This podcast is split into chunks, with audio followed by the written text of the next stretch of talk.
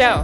Mani sauc Agatē, un šis ir digitālā prasme podkāsts, atkadējotē, kurā mēs tiekamies ar visdažādāko industriju pārstāvjiem un ieskatāmies digitālajās profesijās. Šodien ir ļoti īpaša epizode, jo podkāstam atkadējotē ir viens gadiņš. Tieši tā, mums šodien ir dzimšanas diena, un tāpēc uh, dzimšanas diena ir interesants laiks, kad var atskatīties uz iepriekšējā gadā padarīto. Un mums šis gads ir bijis fantastisks. Mums ir iznākuši 22 epizodes un paviesojušies studijā visinteresantākie viesi, un mums ir bijis ieskats visdažādākajās IT profesijās un hobijos. Tieši tāpēc šodien atskatīsimies uz to, kādas profesijas ir bijušas pārstāvētas mūsu podkāstā, un noķersim iedvesmu nākamajam gadam. Bet pēc tam mēs dosimies pelnītā vasaras atpūtā, tāpēc tiekamies pēc vasaras. Bet kamēr mēs paņemam pauzi, tikmēr mēs gaidām no jums, skatītājiem un klausītājiem, ieteikumus digitālajām profesijām un hobijiem, par kuriem jums būtu interesanti uzzināt. Rakstiet ieteikumus komentāros vai sūtiet tos uz Team Digipelv. Pirmajā epizodē pie mums viesojās iedvesmojošais, enerģiskais Egils Šusts, kurš ir pilna cikla video un animācijas producēšanas uzņēmuma Sense Mēdīja vadītājs. Viņš ieskicēja, kā veidot digitālu biznesu radošajā nozarē. Īsumā par Sense Mēdīju. Viņa ir video mārketinga aģentūra, bet es teiktu, ka viņi rada stāstus. Viņi ir sadarbojušies ar tādiem brendiem kā Red Bull, TET, Prāta vētra, Kristaps Porziņš un nu jau arī Google. Ar Regīlu iepazināmies Liepājas IT profesionāļu tīklošanās pasākumā IT Waffle Meetup, un par viņu var teikt - strādīgs cilvēks, kurš mīl to, ko dara. Starp citu, interesants fakts Sens Mēdī ir viens no digitālo inovāciju parka dibinātājiem, un Egils ir arī viens no tiem uzņēmējiem, kā arī radošo industriju pārstāvjiem, kuram rūp nozars un pilsētas attīstība tehnoloģiskajos virzienos, kā arī cilvēku prasmu attīstīšana. Otrajā epizodē pie mums ciemojās Elīna Šneibe, kura ir programmētāja un pie tam vēl liepāja TechGirls līdzdibinātāja. Elīna ir vairāk gadu pieredze programmēšanā un šobrīd viņa strādā Liepājas IT uzņēmumā Estek Latvija. Šajā epizodē parunāsim par sievietēm IT jomā, un uz sarunu esmu aicinājusi programmētāju Elīnu Šneibu. Elīna ir uzņēmīga jauna IT speciāliste, kur strādā programmēšanā ar vairāk gadu pieredzi C-Sharp un React tehnoloģijās, kā arī aktīvi iesaistās jaunu IT projektu realizēšanā. Starp citu, nesen kļuva par jauno māmiņu. Elīna ir absolvējusi Liepājas universitāti, bet jau pēc pirmā kursa izstrādāja savus pirmos web projektus. Ar Elīnu iepazināmies IT Waffle Meetup, un pēc tam jau kopā ar citām Liepājas meitenēm atklājām Liepāja Tech Girls.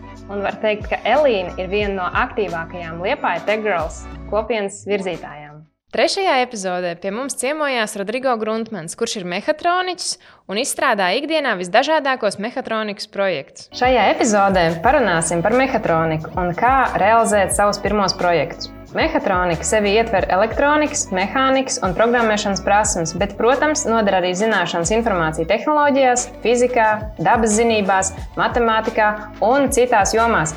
Tā ir nozara, kurā loģiskajai domāšanai, procesa izpratnei un lietu kārtībai ir milzīga nozīme. Šī profesija paver iespējas nodarboties ar iekārtu izstrādi, to projektēšanu, uzstādīšanu, apkalpošanu, kā arī daudz citu karjeras virzienu. Dati par algām liecina, ka Latvijā mehātronikas inženieris vidēji pelna no 650 līdz 1483 eiro mēnesī. Bet lielā mērā viss ir atkarīgs no uzņēmuma. Piemēram, Liepājā šo profesiju var apgūt jau pēc 9. klases Liepājas valsts tehnikumā, kā arī iegūt augstākā līmeņa izglītību Liepājas universitātē. Uz sarunu esmu aicinājis mehātronikas inženieri Rodrigo Gruntmanu. Rodrigo ir Liepājas Universitātes dabas un inženierzinātņu fakultātes laborants un IT maģistrantūras students. Viņš ir pabeidzis bakalaura studijas programmā Mehātronika un bakalaura darba ietvaros izstrādāja CNC iekārtu darbojies zinātniskos pētījumos un piedalījies konkursos, strādājis pie tādiem projektiem kā elektroautorāta radīšana, CNC printeru un frēzes izstrāde, un šobrīd strādā pie elektronikas un programmatūras izstrādes dīzeļdzinējiem. Ieguvis arī sudraba medaļu izgudrojumu un inovāciju izstādē Minux 2020. Rodrigo ir kuldīdznieks, taču jau piekto gadu dzīvo Liepājā. Brīvajā laikā aizraujas ar sportu un patīk pārgājienu, klinšu kāpšanu un ceļošanu. Ceturtajā epizodē pie mums ciemojās Enīku Drēvičs, kur ir grafiskā dizainere, kur specializējās mājaslapu dizaina izstrādē. Šajā epizodē parunāsim par grafisko dizainu, konkrētāk par web dizainu, tā iespējām, izaicinājumiem un radošo dzirksti. Var teikt, ka dizaina uzdevums ir piesaistīt, uzrunāt ar emocijām un nodot skaidru vēstījumu. Tas ir mākslas un tehnoloģiju nozars kombinācija, kuru var apgūt gan klasiskā izglītības ceļā, no mākslas skolas līdz studijām augstākās izglītības iestādēs, kā arī kursos un pašmācības ceļā. Liepais mūzikas, mākslas un dizaina vidusskolā, kā arī Liepais universitātē, iespējams apgūt dizainu un jauno mēdīju mākslu dažādos izglītības līmeņos. Uz sarunu esmu aicinājusi radošo industriju pārstāvi, grafisko dizaineru Enīku Dreviču. Enija ir grafiskā dizainere, kas specializējas mājaslapu dizainā, vizuālās identitātes un sociālo mēdīju grafiskā satura izstrādē. Absolvējusi jauno mēdīju mākslu un bakalaura programmu Liepājas Universitātē. Daudz nodarbojusies ar pasākumu un ekspozīciju fotografēšanu, tā skaitā Liepājas muzejam. Viena no mīļākajiem Enijas laika pavadīšanas un relaksēšanās veidiem ir ēdienu gatavošana, laba mūzika, kā arī pastaigas un peldas jūrā. Piektajā epizodē pie mums ciemojās Egils Trušēls, kurš papildus lieliskai karjerai futbolā apguva web izstrādi un nu jau ir kļuvis par web izstrādātāju. Šajā epizodē parunāsim par ielēkšanu IT jomā. Kā no veiksmīgas profesijas sporta jomā kļūt par IT uzņēmumu daļu, frontend izstrādātāju. Pēc algu datiem frontend izstrādātāji Latvijā pelna no 670 eiro līdz 2400 eiro mēnesī. Šie programmētāji ir apeltīti ar izjūtu, kā lietām jāfunkcionē un jāizskatās. Tā ir spēja radīt to, ko lietotājs redz katru dienu - skaistas, pielāgotas, responsīvas mājaslapas, lietotnes un citus produktus. Uz sarunu esmu aicinājusi aktīvu un mērķiecīgu puisi Egilu Trušēlu, kurš vēl tikko bija pilnībā sporta pasaulē, bet gadu atpakaļ, 35 gados, nolēma uzsākt programmētāju gaitas. Pašlaik Egils strādā uzņēmumā STEK Latvija, kur viņu ir paņēmuši savā paspārnē, lai palīdzētu attīstīt jau pašmācības ceļā apgūtās prasmes JavaScript tehnoloģiju programmēšanā. Egils iepriekš bija Liepājas futbola skolas un futbola akadēmijas direktors, un nu, viņš ir radikāli mainījis nodarbošanos. Kā Egils pats saka, pandēmija ir kā katalizators. Es gribu palikt Liepājā, gribu būt brīvs, atrast nodarbi, kurā attīstīties ilgstoši. Pieredze pedagoģijā ar nelielu piepūli stimulē iet uz priekšu, un man izdodas. Sestajā epizodē mums bija iespēja attīstīt savu biznesa domāšanu un ieskatīties jaunu uzņēmumu pasaulē, ko mums palīdzēja izdarīt Ernests Štāls, kurš, starp citu, šobrīd darbojās arī ar savu jaunu uzņēmumu idejas attīstību, kas saucās Starwatcher IO. Šajā epizodē parunāsim par Latvijas startup vidi, par to, vai viegli būt jaunu uzņēmējiem un kādas ir biežākās kļūdas, ko pieļauj startup uzsācēji. Laikā no 2010. gada Latvijas jaunu uzņēmumu ir piesaistījuši 418 miljonu eiro investīcijas, un šogad arī Latvija kļuva par vienradžu nāciju. Aizvien vairāk pieaug arī pieejamais valsts atbalsts jaunu uzņēmumiem, un jaunu uzņēmumu attīstībai ir pieejami vairāk atbalsta instrumentu, ar kopējo pieejamo finansējumu gandrīz 10 miljonu eiro apmērā. Uz sarunu esmu aicinājis bezbailīgo Ernestu Štālu, kurš ne tikai veido savus jaunu uzņēmumus, bet arī dalās pieredzes ceļā iegūtajās zināšanās ar citiem. Ernests ir jaunu uzņēmumu Starwatcher līdzdibinātājs, viens no TechHub Riga un TechChill konferences veidotājiem. Pašlaik Ernests ir partneris riska kapitāla fondā Superhero Capital. Jau gadu Ernests ar ģimeni dzīvo Liepājā, un uz jautājumu, vai uz Rīgu atpakaļ neprasās atbildi. Liepājā viss ir. Ir kur pasēdēt ar draugiem, ir ļoti labs tirgus, laba infrastruktūra, nav jābrauc ar auto, jo viss ir tuvu. Ja ar auto, tad kaut kur pie dabas. 7. epizodē pie mums ciemojās no Latvijas pirmā vienradža digitālā mārketinga komandas vadītājs Raits Puriņš. Liela daļa biznesa šobrīd darbojas virtuālajā vidē, un digitālais mārketings ir neatņemama sastāvdaļa uzņēmuma ikdienā. Labs mārketings var pacelt uzņēmumu iepriekš nesasniedzamos augstumos, un otrādi tā trūkums var izrādīties nāvējošu uzņēmumu. Uz sarunu esmu aicinājis enerģisko un apņēmīgo Raitu Puriņu kurš 5 gadus darbojas Printful sastāvā un efektīvi vada uzņēmumu digitālā mārketinga komandu. Šajā epizodē iepazīsim profesiju mārketinga nodaļas vadītājs. Starp citu, Printful atzīts par vienu no straujāk augošajiem uzņēmumiem ASV, un šogad uzņēmums kļuva arī par pirmo Latvijas vienredzi, jeb sasniedz 1 miljardu eiro ASV tirgus vērtību. Raits ir talantīgs handbolists, kurš stāvējis vārtos nevienā Latvijas handbola izlases spēlē. Un visam pa virsmu viņš atrod arī laiku sirsnīgai kopā būšanai ar ģimeni. Parunāsim par to, kā līdz ar uzņēmumu iespējams profesionāli augt un pilnveidoties arī pašam. Astotajā epizodē pie mums ciemojās Elans Lau, kurš veido fotorealistiskas 3D arhitektūras un interjeru vizualizācijas. Šajā epizodē runāsim par to, kā top 3D arhitektūras un interjeru vizualizācijas. Kā uztvert klientu vēlmes un kādas īpašības piemīt labam 3D arhitektam?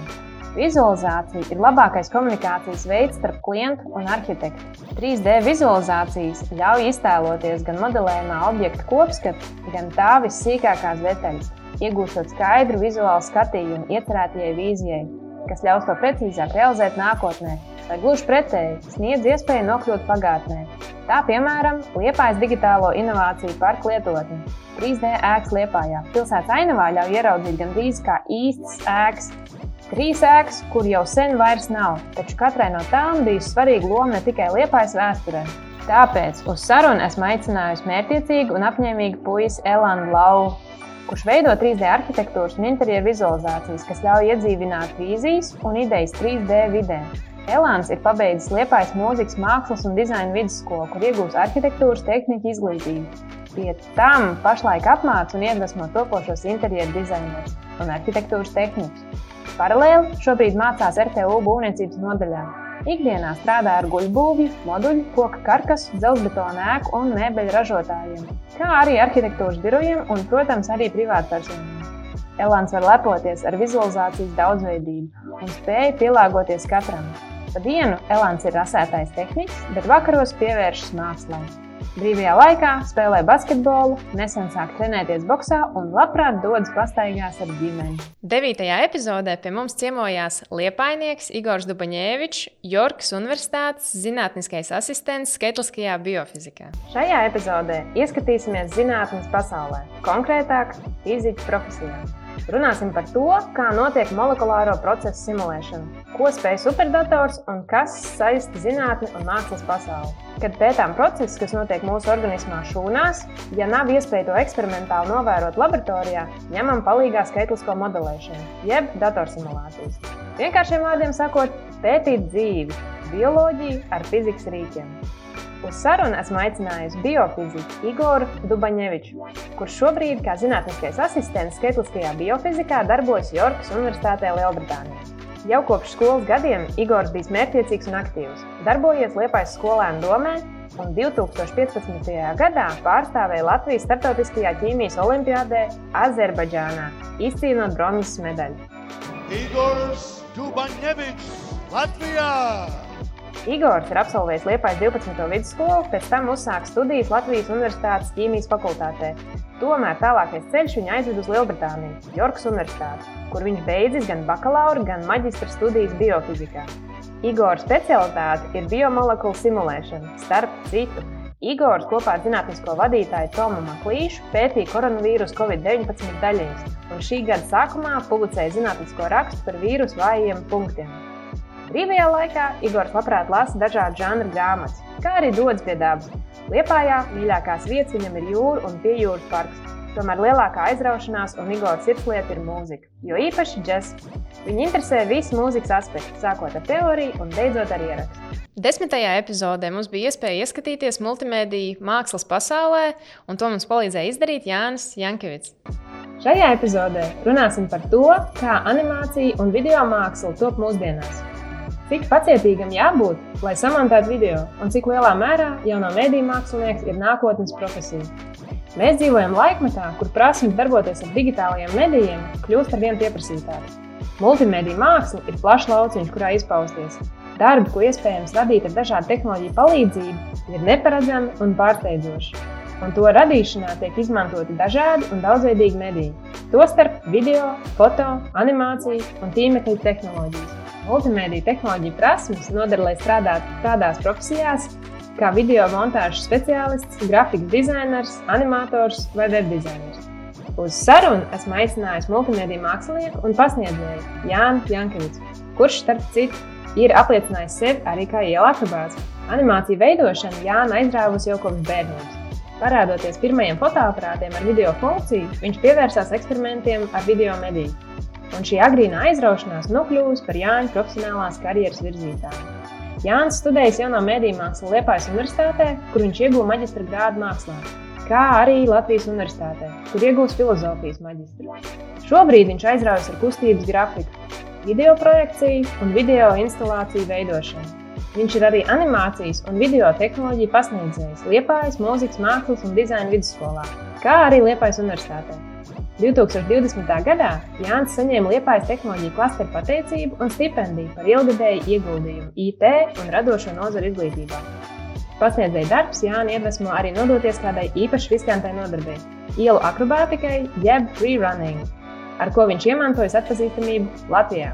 Starp citu, vislabākās vietas ielu akrobātikas treniņiem esot Liepājas Sport un Mols. 11. epizodē kopā ar Anetu Bērziņu ieskatījāmies pilsētu plānošanas un kartogrāfijas pasaulē. Šajā epizodē runāsim par to, kādus digitālos rīkus izmanto teritorijas plānošanā, kas ir geogrāfiskās informācijas sistēmas, jeb GIS, un kā notiek datu analīze no pilsētvidas viedokļa. Geogrāfiskā informācija ir informācija par pasauli, kas saglabāta digitālā formātā.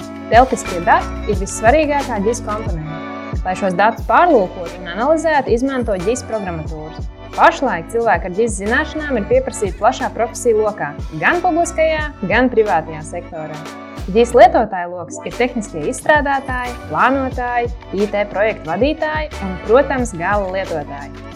Uz sarunu esmu aicinājusi harizmātisko un iedvesmojošo Anetu Bērziņu, teritorijas plānotāju un kartogrāfu. Viņas ikdiena aizrit piedaloties Liepājas pilsētvidas plānošanā, kur liela nozīme ir arī digitālajiem rīkiem, datu analīzei un atvērtajiem datiem. Anita aizrauja sakarību saskatīšanu it visā, kas notiek viņas dzīvē, pilsētā, laukos, planētā kopumā, Caur šo prizmu viņi vēro, kas noderētu sabiedrībai arī no pilsētvidas viedokļa. Tomēr viens no plānošanas būtiskākajiem elementiem ir datu analīze un to vizualizācija GIS programmatūrā, kas Anetei palīdz izstrādāt pārdomātākus risinājumus, veicot darbu uzdevumus, kur nereti ir jāatrod piemērotākā atrašanās vieta kādai funkcijai. Anētas ikdienas pienākums strādājot Liepājas pašvaldībā ietver sadarbību ar GIS programmatūras turētāju, lai izveidotu noderīgas lietotnes iekšējai lietošanai, kā arī liepainiekiem un citiem interesantiem, kur tiek apkopot aktuālā informācija. Nu, piemēram, savulaik izveidot lietotni par pilsētai piedarošo zemju nomas iespējām. Starp citu, Anete docē GIS kursu Liepājas universitātē, lai paplašinātu vidus studentu priekšstatu par GIS pielietojumiem vidas pētījumos kā arī kopumā rosināt domāt ārpus ierastā, būt radošiem un inovatīviem vidas nozarē, palīgā ņemot ģis rīku. Neatņemama Anets dzīves sastāvdaļa ir viņas ģimene. Tādiem dienās sniedz jaunu enerģijas un iedvesmas devu. Visbiežāk labākās idejas un novērojumi, ko uzlabot pilsētā, rodas tieši ikdienas procesos. 13. epizode bija īpaša ar to, ka pie mums studijā ciemojās veseli divi viesi. Kārlis Millers un Jānis Brūders, kuri ir radioamatieri un sniedz ieskatu šajā diezgan interesantajā hobijā. Latvijā ir vismaz simts aktīvu radioamatieru, kur regulāri iziet ētrā, un daļa no viņiem piedalās arī sacensībās. Radioamatieri pārstāv visdažādākās profesijas. Pēdējā laikā novērots, ka ar vien lielāku interesi pievienoties radioamatieriem izrāda programmētāji un datorspeciālisti. Piemēram, Amerikā un Krievijā ir izplatīts arī radioamatieru dienests, kas palīdz ārkārtas situācijās. Tipiski radioamatieris ir cilvēks, kuram ir plašs spektra interešu lokus, kas saistīts ar radio, jo iespējas, ko darīt radioamatierim, ir daudzpusīgas. Lai nodarbotos ar šo hobiju, nav nekāda ierobežojuma ne dzimumam, ne vecumam. Taču nepieciešams zināšanu kopums, kas jāapgūst vismaz pamatlīmenī. Lai uzsāktu darbu ēterā, nepieciešams nokārtot radioamatieru eksāmenu. Lai apgūtu eksāmenam nepieciešamās zināšanas, valsts akciju sabiedrība elektroniskie sakari vienu vai divreiz gadā rīko radioamatieru seminārus. Pie mums studijā šoreiz viesojas divi radioamatieri - Kārlis Millers un Jānis Brūders. Kārlis ir programmētājs jau vairāk kā septiņus gadus. Viņš darbojas ar lielākiem un mazākiem web projektiem. Viņš ir full stack izstrādātājs un vairāk kā trīs gadus darbojas kā radio amatieris. Smejoties, Kārlis saka, ka viņam patīk darīt neko. Bet labprāt viņš savu brīvo laiku aizpilda ar radioamatieru hobiju. Savukārt Jānis Brūders ar radiolietām darbojas jau kopš 14 gadu vecuma. Kā viņš smejoties saka, kopš mirkļa, kad varēja rokās noturēt lodāmot. Viņš ir radioamatieris, kas strādā ēterī vairāk kā 30 gadus. Jānim patīk vienkārši sazināties ar citiem cilvēkiem no visas pasaules. Sanāk, ka dienā viņam ir iespēja sazināties ar aptuveni 10 līdz 15 jauniem cilvēkiem. Ikdienā Jānis ir kanona tirdzniecības menedžers, un viņa otrs hobijs ir fotografēšana. 14. epizodē pie mums ciemojās Liepainieca Ilza Baumgarta, kur šobrīd studē medicīnas inženieriju un fiziku. Šajā epizodē ieskatīsimies medicīnas, fizikālo tehnoloģiju, inženiera studiju procesā un profesijā kā tādā. Šīs profesijas pārstāvji izstrādā jaunas un pilnveido jau esošās medicīnas iekārtas un sistēmas. Šīs jomas pārstāvji var strādāt zinātnē, ar mērķi radīt jaunas, vēl nebijušas iekārtas, ar kur palīdzību uzlabot un mainīt medicīnu. Tāpat arī medicīnas iestādēs, apkalpojot jau esošās iekārtas. Šīs profesijas pārstāvjiem ir jābūt ļoti gudriem, jo viņiem jārada iekārtas, kas palīdz ārstiem risināt problēmas vienā no sarežģītākajiem mehānismiem, kuru pie tam nevar apstādināt uz remontu laiku cilvēku organismu. Tieši tāpēc šodien uz sarunu esmu aicinājusi aizrautīgo un iedvesmojošo Ilzi Baumgartu kur ir medicīnas inženierijas un fizikas studenti. Ilze skolas laikā izstrādājot zinātnisku pētniecisko darbu, radīja prototipu ģeneratoram, kas izmantojot jūras viļņu kustību, ražo elektroenerģiju. Ar šo darbu Ilze ieguva pirmo vietu ne tikai skolā, pilsētā un kurzemes reģionā, bet arī Latvijā, kas deva viņai iespēju prezentēt savu darbu vienā no milsēta posmiem Abu Dabī, apvienotajos Arābu Emirātos. Nesen Ilza uzstājās ar ļoti iedvesmojošu runu jauniešu tehnoloģiju iedvesmas konferencē IT Diena Liepājā, kas bija tieši par inženierijas tematiku. Pašlaik Ilza studē Rīgā, taču dzimusi un augusi Liepājā.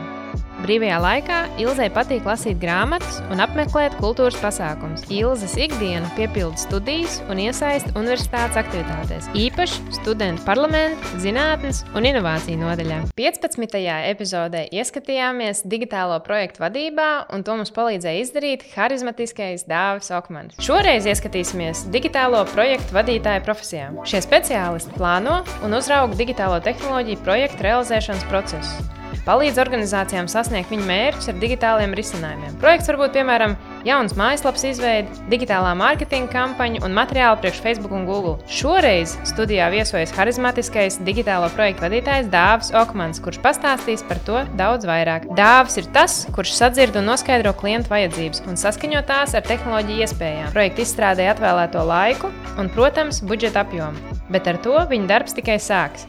Viņš arī pārauga izstrādes procesu un koordinē iesaistīto cilvēku darbu. Tieši viņš ir atbildīgs par to, lai izstrādātāji pareizi saprastu klienta vēlmes un klientam nebūtu jāatbild uz ļoti tehniskiem izstrādātāju jautājumiem. Viņš ir kā tulks starp šīm divām projektā iesaistītajām pusēm. Pavisam nesen Dāvis kopā ar Liepājas tehnoloģiju klasterbiedriem realizēja Liepājnieku sirdis iekarojušo gaļas pārstrādes uzņēmumu divi naži mājaslapas projektu. Tāpat Dāvis ir vadījis tādus projektus kā lausa spēles, autodraugi, Liepājas valsts tehnikuma mājaslapas izstrāde un vēl daudzus citus. Savukārt, piemēram, stikloto alumīniju un tērauda konstrukciju izgatavošanas uzņēmumam Finestra Solution tika izstrādātas arī ražošanas un noliktavas sistēmas procesa automatizācijai. Dāvim ir augstākā izglītība starptautiskajā komunikācijā. Pēc studiju beigām viņš sāka savus darba gaitas digitālajā mārketingā, bet šobrīd realizē dažādus digitālus projektus. Savā brīvajā laikā Dāvis aizraujas ar motocrossu, izbauda pastaigas gar jūru kopā ar savu uzticamo draugu Getsbiju, lasa grāmatas un ar lielāko prieku iesaistās pašizaugsmes kursu vadībā jauniešiem un vada jauniešu nometnes. Neatņemams Dāvida dzīves sastāvdaļas ir ceļošana, skriešana, Maitai, jeb taizemiešu boks un restorānu. 16. epizodē pie mums ciemojās Lita Dubrau, kur ir sistēma analītiķa un sniedz lielisku ieskatu šajā profesijā, kā sākt, ko darīt un kā turpināt. Pie tam viņa ir nesen pārvākusies no Rīgas uz Liepāju. Šoreiz ieskatīsimies sistēma analītiķa profesijā. Sistēma analītiķa galvenais uzdevums ir analizēt biznesa vai informācijas sistēmas procesus, izstrādāt prasības IT risinājumam vai izprast esošās sistēmas atbilstību un izstrādāt prasības prasības tās uzlabojumiem. Šīs profesijas pārstāvis cieši sadarbojas ar IT speciālistu komandu. Šajā amatā ir svarīgi būt komunikablam, spēt gan saskatīt dažādas nianses, gan saklausīt klientu vēlmes un izprast tā vajadzības. Tāpat jāspēj rast labāko risinājumu, ņemot vērā budžeta, laika un sistēmas ierobežojumus. Neatņemams īpašības ir pacietība un spēja organizēt savu darbu. Kā pats amata nosaukums pasaka priekšā, ir ļoti daudz jādomā un jāanalizē sistēmas process, jāizvērtē, kas strādā labi, kas bremzē darbību un kā to uzlabot. Te noder prasme uzdot pareizos jautājumus, lai efektīvi nonāktu līdz labākajam risinājumam. Nepieciešama nemitīgi savu prasmju un zināšanu pilnveidi. Kādi ir šīs atbildīgās profesijas pārstāvji un kāda izskatās to ikdiena, mums pastāstīs sistēma analītiķe Lita Dubrova. Litas IT pasaule aizsākās spēļu kopienā, kur viņi iepazina dažni dažādus IT speciālistus, kā rezultātā radās interese par IT nozari. Karjeras gaitā Litai arvien biežāk sanāca sadarboties tieši ar uzņēmuma IT nodaļas speciālistiem. Tādā veidā Lita saprata, ka šis ir virziens, kurā viņa vēlas doties. Meklējot savu sapņu darbu vietu, Litai nejauši palīdzēja viņas aizraušanās. Kulinārijas kursos viņa iepazinās ar jauniem dombiedriem, kas palīdzēja atrast līdz pašreizējo darbu vietu. Lita ir studējusi ārzemēs starptautisko biznesu un pašlaik studē programmā e-biznesa vadība. Kā Lita izsakās, tas ir labs biznesa,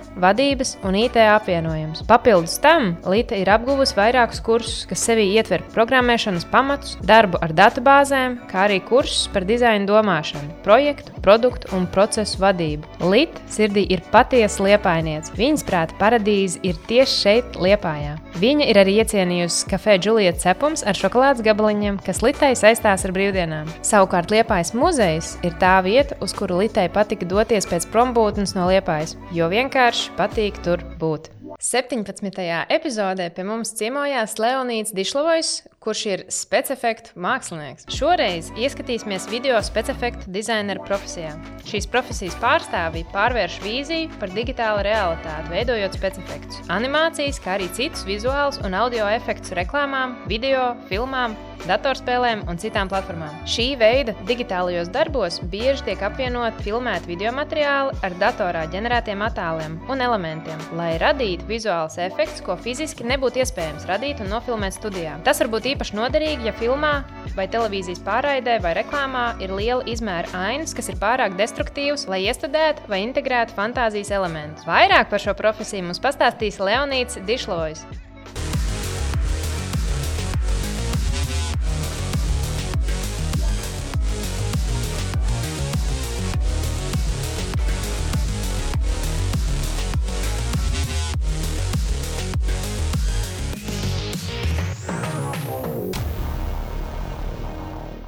Leons šobrīd studē mehātroniku un pats sev definē kā brīvā lidojuma mākslinieks, jeb freelanceris, kurš ikdienā veido video specifektus. Viņam ir sava darbnīca, kur viņš kopā ar savu radošo komandu nodarbojas ar 3D printēšanu un modelēšanu, kā arī programmē un projektē elektroniskās ierīces, filmē video, reklāmas un taisa datorspēles Android un iOS platformām. Ikdienā viņš programmē C un C# valodā. Viens no Leo apjomīgākajiem projektiem bija robota asistenta izveide, kurš ar mākslīgā intelekta palīdzību brīvi pārvieto pārvietojas, atpazīst cilvēkus, balss īpašniekus un pat var ieliet ūdeni. Leons ir daudz sadarbojies ar ASV blogeriem, kuriem veido video efektus un noformējumu YouTube platformā. Leo patīk arhitektūra, jo īpaši lielais dzintars un liepais muzejs, kā arī viss, kas saistīts ar renesansu, baroku un jūgenstilu. 18. epizode bija pamatīgi iedvesma bakalaura studiju izvēlei tieši tehnoloģiju jomā, jo studijā viesojās Ulris Žaims, kurš ir Liepājas Universitātes dabas zinātņu un inovatīvo tehnoloģiju pētniecības institūta direktors. Ikdienā izmantojam un miedarbojamies ar visdažādākajām viedajām ierīcēm un tehnoloģijām. Cilvēkiem, kuriem ir interese par to, kā veidojas šīs tehnoloģijas un kā tās var radīt pats, noteikti jāapsver doma studēt IT, elektroniku, robotiku un viedās tehnoloģijas. Tieši tāpēc, tuvojoties uzņemšanas laikam augstskolās, ieskatīsimies augstākās izglītības jomā un konkrētāk viedo tehnoloģiju pētniecībā. Kā izvēlēties bakalaura līmeņa izglītību, kas saistīta ar tehnoloģijām, un kā interesi par tehnoloģijām, elektroniku un IT pārvērst par karjeru. Lai iegūtu atbildes uz šiem jautājumiem, uz sarunu esmu aicinājusi Liepājas Universitātes dabas zinātņu un inovatīvo tehnoloģiju pētniecības institūta direktoru. Uldi Žaimi. Uldis ar zelta medaļu absolvējis Ogres vidusskolu, un šobrīd viņš ir viens no aktīvākajiem Liepājas universitātes pētniekiem, kurš pavisam drīz iegūs doktora grādu E-studiju pārvaldībā un lepni var saukt sevi par liepainieku. 2017. gadā Uldis ieguva gada liepainieku titulu par spēju iedvesmot un aizrautīgi pasniegt skolēniem fiziku, motivējot viņus panākumiem valsts mērogā, dabas zinātņu jomā. Kā arī 2019. gadā ieguva pašvaldības gada balvu zinātnē. Pie tam 2021. gadā ieguva Liepājas tehnoloģiju klastera atzinību un stipendiju par lielu ieguldījumu IT izglītības veidošanā. Jau kopš 2015. gada Uldis pasniedzis fiziku Liepājas skolās, par ko iegūst titulu Foršākais skolotājs 2017. Ikdienā Ulrichs virza visādas pētniecības virzienus Liepājas Universitātē, kur viņš ir arī studiju programmas Viedās tehnoloģijas direktors.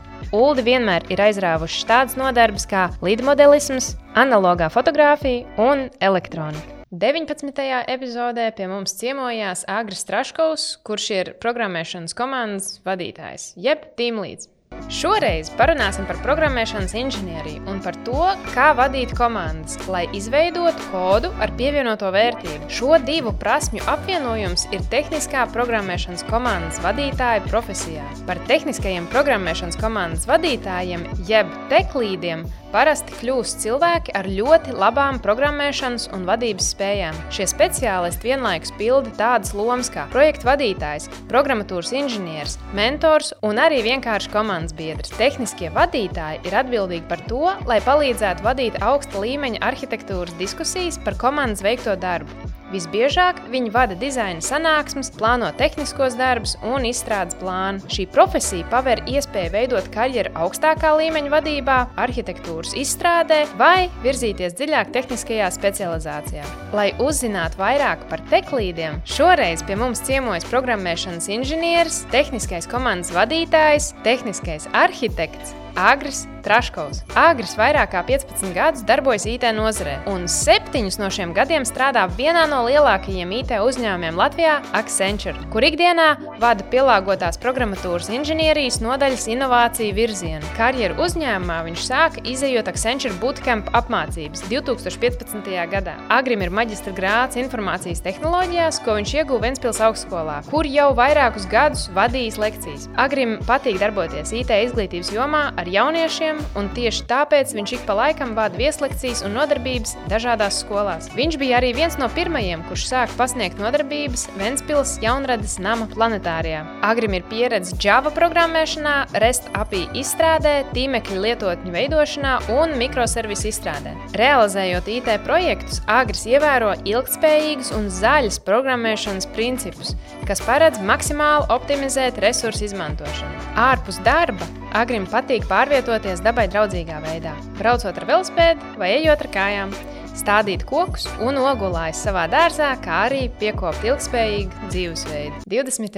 epizodē pie mums ciemojās tehnoloģiju uzņēmuma vadītājs Arts Daugins, kurš izveidojis elektrokartīgu uzņēmumu Bluešakreis. Šajā epizodē ieskatīsimies tehnoloģiju uzņēmējdarbībā, kā izveidot savu biznesu un kādas šķēršļi sagaida veidojot savu uzņēmumu. Tehnoloģija biznesam noteikti ir savas iespējas un ierobežojumi salīdzinot ar citām nozarēm. Šobrīd īpaši izjūtam uzsvaru uz zaļo un viedo tehnoloģiju ražošanu un izmantošanu ikdienā. Eiropa ir ieņēmusi zaļo kursu, kas šķiet veicinās tieši dabai draudzīgo tehnoloģiju izmantošanu. Līdz ar to tas paver plašas iespējas mūsdienu uzņēmējiem. Lielākais un svarīgākais ieguldījums ir tieši zināšanas un dažādi dažādas digitālās prasmes inženierijā, elektronikā, programmēšanā un pat dizainā. Varētu pat teikt, ka inženieri un tehnoloģiju uzņēmēji ir mūsdienu rokzvaigznes. Jaunie talanti šajās nozarēs sapņo par sajūtu, kad savā garāžā uzsāks tehnoloģiju biznesu kādu dienu kļūs par miljardiem dolāru vērtu uzņēmumu. Taču mūsdienās nepietiek tikai ar labu ideju vai pat lielisks tehnikas izveidi. Ja vēlaties, lai jūsu biznesa būtu veiksmīgs 2022. gadā un pēc tam, jums ir jāsaprot, ko nozīmē būt tehnoloģiju uzņēmējiem, kādus risinājumus izmantot un kā darbojas biznesa tirgi. Tieši tāpēc šoreiz uz sarunu esmu aicinājis enerģisko uzņēmēju un elektrokartīgu uzņēmumu Bluešok Reis vadītāju Artu Dauginu.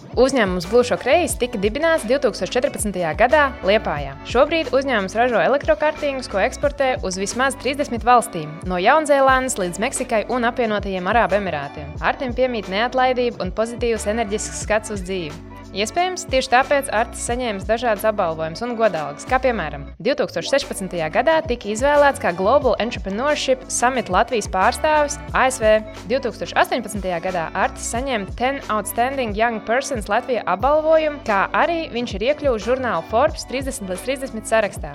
Artim ir mākslas skolas izglītība dizainā. Brīvajā laikā viņš labprāt spēlē futbolu, kā arī apceļo Latvijas skaistās mazpilsētas un apskats vietas. 21. epizodē pie mums studijā ciemojās dr. Anita Jansone, kur ir Liepājas Universitātes dabas un inženierzinātņu fakultātes dekāna. Viņa mums sniedz ieskatu, kā arī iedvesmu izvēlēties maģistra un doktora studijas. Šoreiz ieskatīsimies pētniecībā un augstākā līmeņa IT studijās. Ik viens, kurš ir iegūmis bakalaura grādu, noteikti aizdomājies par studiju turpināšanu maģistrantūrā, uzreiz pēc bakalaura iegūšanas, vai varbūt kādu laiku pastrādājot izvēlētajā profesijā. Augstākā līmeņa studijas maģistrantūrā ir veids, kā spērt nākamo soli esošajā karjerā vai korģēt, mainīt profesionālās darbības jomu. Dažiem amatiem maģistra grāds ir obligāta prasība, taču tas var būt arī nākamais solis skolas mūža izglītībā, vai veids, kā attīstīt akadēmisko karjeru pētniecībā. Maģistra programmas bieži vien ir izstrādātas tā, lai sagatavotu cilvēkus tieši vadošiem amatiem, kur tiek arī labāk apmaksāti. Un, protams, maģistra grāds ir sasniegums, ar ko ir vērts lepoties. Savukārt nākamais pēc maģistrantūras ir doktorgrāds. Doktorantūras studijas ir lielisks veids, kā ievirzīt karjeru akadēmiskajā gultnē, kas saistīta ar pētniecību un, protams, pacelt savu karjeru jaunā līmenī. Uz sarunu esmu aicinājis Liepājas Universitātes dabas un inženierzinātņu dekāni,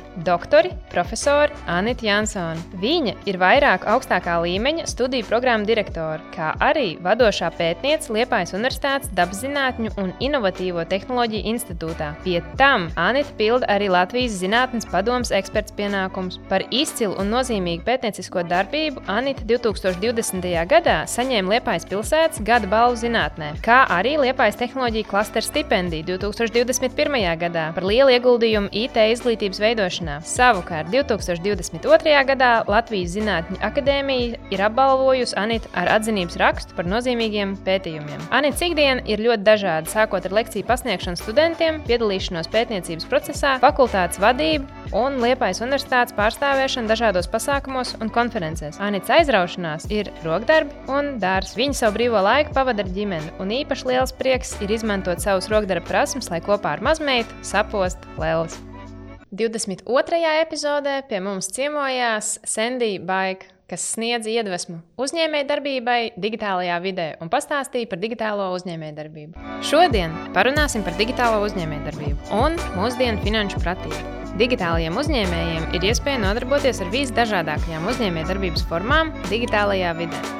Šoreiz pieskarsimies tādām tēmām kā finanšu tirgi un kriptovalūtas. Šāda veida uzņēmējdarbība ir pakļauta lielam riskam, bet, ja pievērš nopietni un seko līdz notikumiem finanšu pasaulē, ir iespējams arī labi nopelnīt. Jo īpaši šī veida uzņēmējdarbībā darbojas princips: jo lielāks risks, jo lielāka peļņa. Tāpēc nedrīkst aizmirst par to, ka ieguldītā nauda var tikt arī pazaudēta. Jo īpaši aktuāli patreiz ir kriptovalūtas un NFT tirgi, kas sevī slēpj gan daudz iespējas, gan riskus. Šodien uz sarunu esmu aicinājusi digitālo uzņēmēju investori, mentori Sandiju Baiku. Šobrīd Sandija veiksmīgi darbojas ar kriptovalūtām, forex tirgiem, blockchain un NFT, kā arī atbalsta un palīdz jaunajiem uzņēmējiem veidot veiksmīgu biznesu digitālajā vidē. Sandija neuzskata sevi par finanšu tirgu ekspertu, taču pastāvīgi apgūst jaunas zināšanas šajā nozarē un paralēli rada iespēju arī citiem cilvēkiem iegūt zināšanas un gūt peļņu digitālajā vidē, sekojot digitālo finanšu tirgu atzītiem ekspertiem, kuri darbojas viņas uzņēmumā.